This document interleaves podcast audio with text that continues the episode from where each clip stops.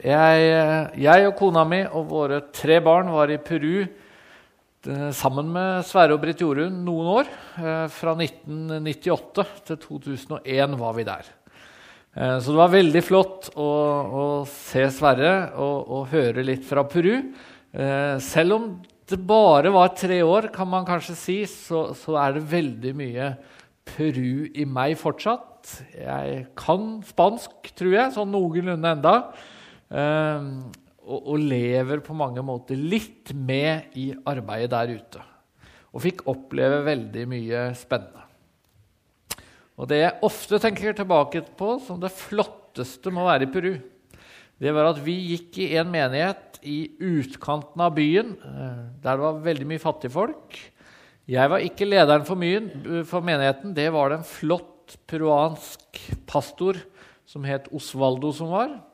Men jeg fikk lov å tale en gang i måneden eller noe sånt i den menigheten. Og da opplevde jeg, tror jeg jeg kan si, hver eneste gang jeg talte, hver eneste søndag, så satt det noen eh, i benkeradene som aldri hadde vært på møte før. Og det var ganske fantastisk som ung misjonær. Eh, vokste opp på bedehus her i, i Norge og stort sett vært vant til at jeg kjente alle. Eh, eller i hvert fall kunne regne med at de aller fleste som kom, og sånn er det kanskje her i, i kveld også De fleste av dere pleier å gå på bedehus eller misjonssalen her. Mens i Peru så fikk vi lov å oppleve at det var nesten, eller det var nye hver gang. Eh, og Det er da en menighet som har vokst masse, som har nå, vet jeg, to gudstjenester hver søndag Eh, og det er veldig mye flott fra Peru. Men det her skulle bare være en presentasjon. Har jeg jobba på hovedkontoret til Misjonssambandet etter at vi kom hjem fra Peru eh, de siste sju og et halvt åra som informasjonsleder og da redaktør for uh, Utsyn. Ja. Nå skal jeg ha en liten andakt. Og nå nevnte jo Arne i Music Mission Eh, at han var litt sånn konservativ og syntes at eh, jula måtte ikke starte for tidlig. Det problemet har ikke jeg. Jeg har ei kone som eh, stort sett i oktober hvert eneste år kommer gledesstrålende hjem og sier nå har de endelig fått julebrus på butikken. Og, og så går det faktisk bare slag i slag. Eh, det er julelys, og det er juleservietter, og det er eh, juleting. Gjerne fra oktober. Så hjemme hos oss så har det på en måte vært julestemning i månedsvis snart. Og det gjør at eh, jeg gjerne tar noen ord fram eh, i kveld fra juleevangeliet, selveste juleevangeliet. Men jeg skal innom litt andre tekster og temaer i løpet av denne julemessa i morgen. og sånn. Men jeg har tenkt litt på, på dette juleevangeliet. Hva er det i denne kjempekjente fortellingen i Lukas kapittel 2 som særlig forteller oss hva jul handler om? Og da har jeg funnet ut at at det som i hvert fall treffer meg sterkest, og som sier meg mest om hvorfor Jesus kom, og hvorfor dette er så viktig, det er det gjeterne opplevde, eller hyrdene. Og Derfor har jeg lyst til å lese de få versene fra juleevangeliet eh, om disse hyrdene, og så si noen ord om det jeg syns er viktig. Og mens jeg nå leser, så, så, prøv nå, selv om vi er i kalde, moderne, rike Norge og så Prøv å se for deg hvordan det var å være gjeter i fattige Israel for 2000 år siden. Være ute på marken en kveld som var som alle andre kvelder helt til dette skjedde. Det var noen gjetere der i nærheten som var ute på markene og holdt nattevakt over flokken sin.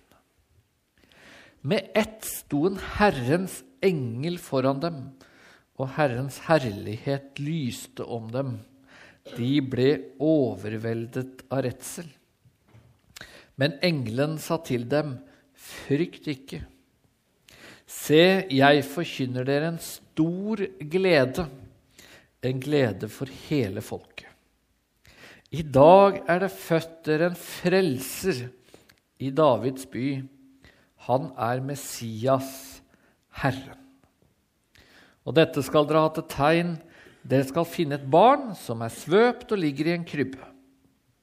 Med ett var engelen omgitt av en himmelsk hærskare, som lovpriste Gud og sang, ære være Gud i det høyeste, og fred på jorden blant mennesker som Gud har glede i.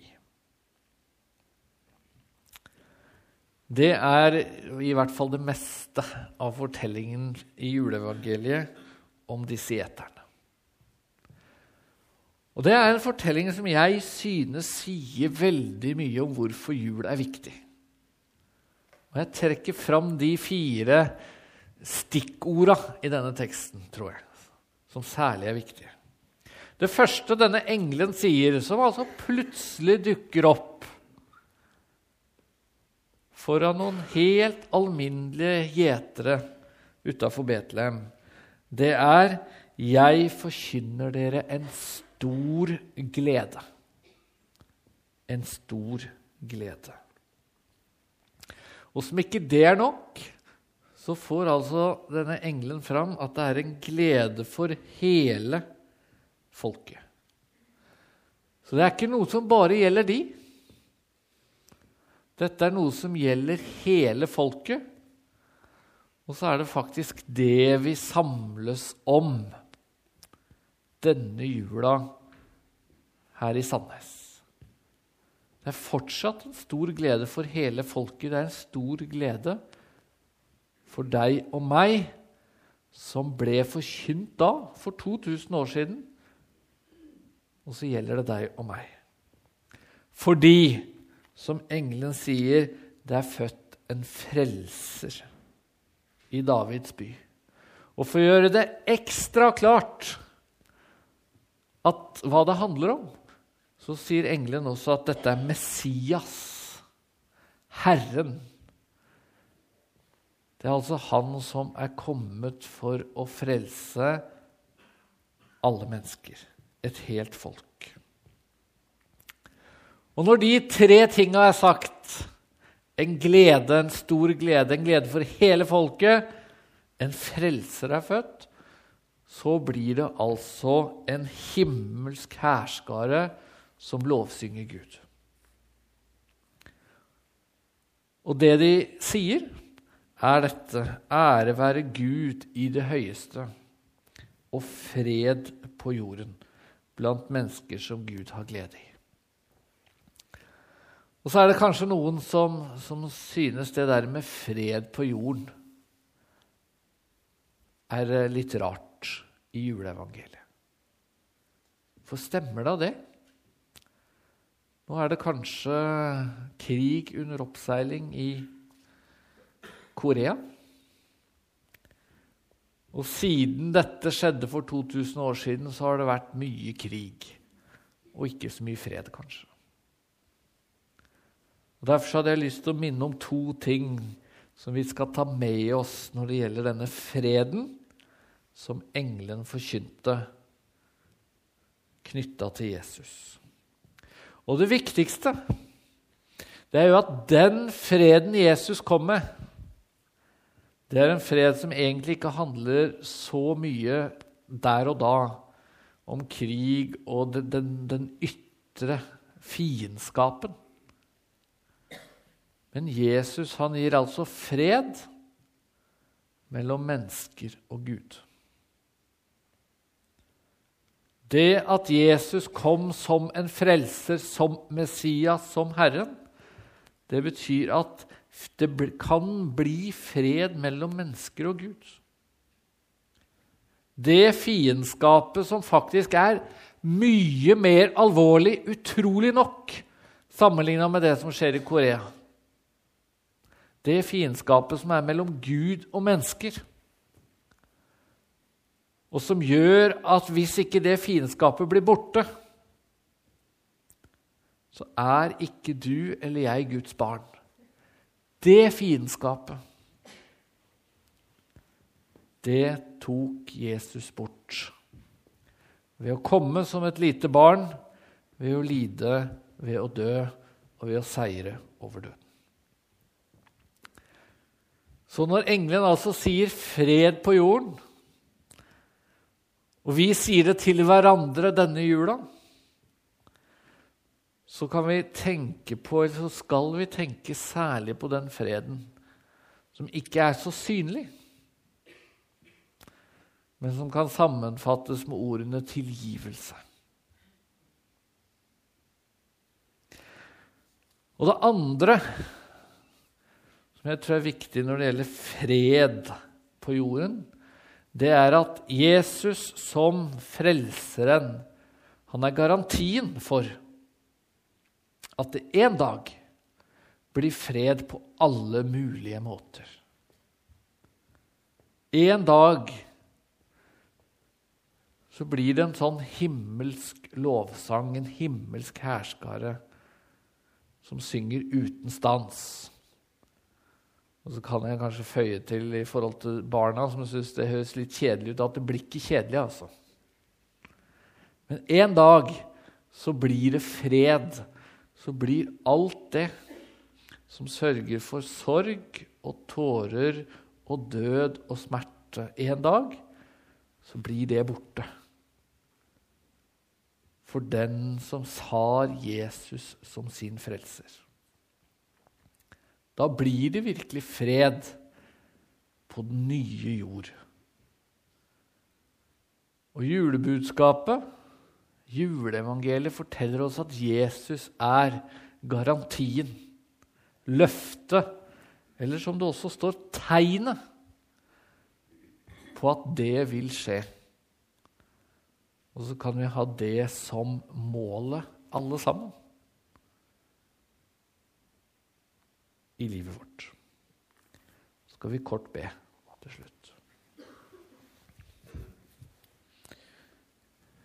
kjære Gud, vi takker deg for at vi nå nærmer oss adventstid og jul. Og så kan vi enda en gang få sette fokus på at du kom som et lite barn for vår skyld. At du er den store gleden for hele folket. Frelseren som gir fred på jorden. Vi ber for julemessa. Vi ber for Sandnes. Vi ber for alle oss som er her. Vi ber om at vi må ta imot deg som vår frelser. Så vi kan også få oppleve den freden som er viktigst, freden i hjertet. Og ha fred med deg, Gud.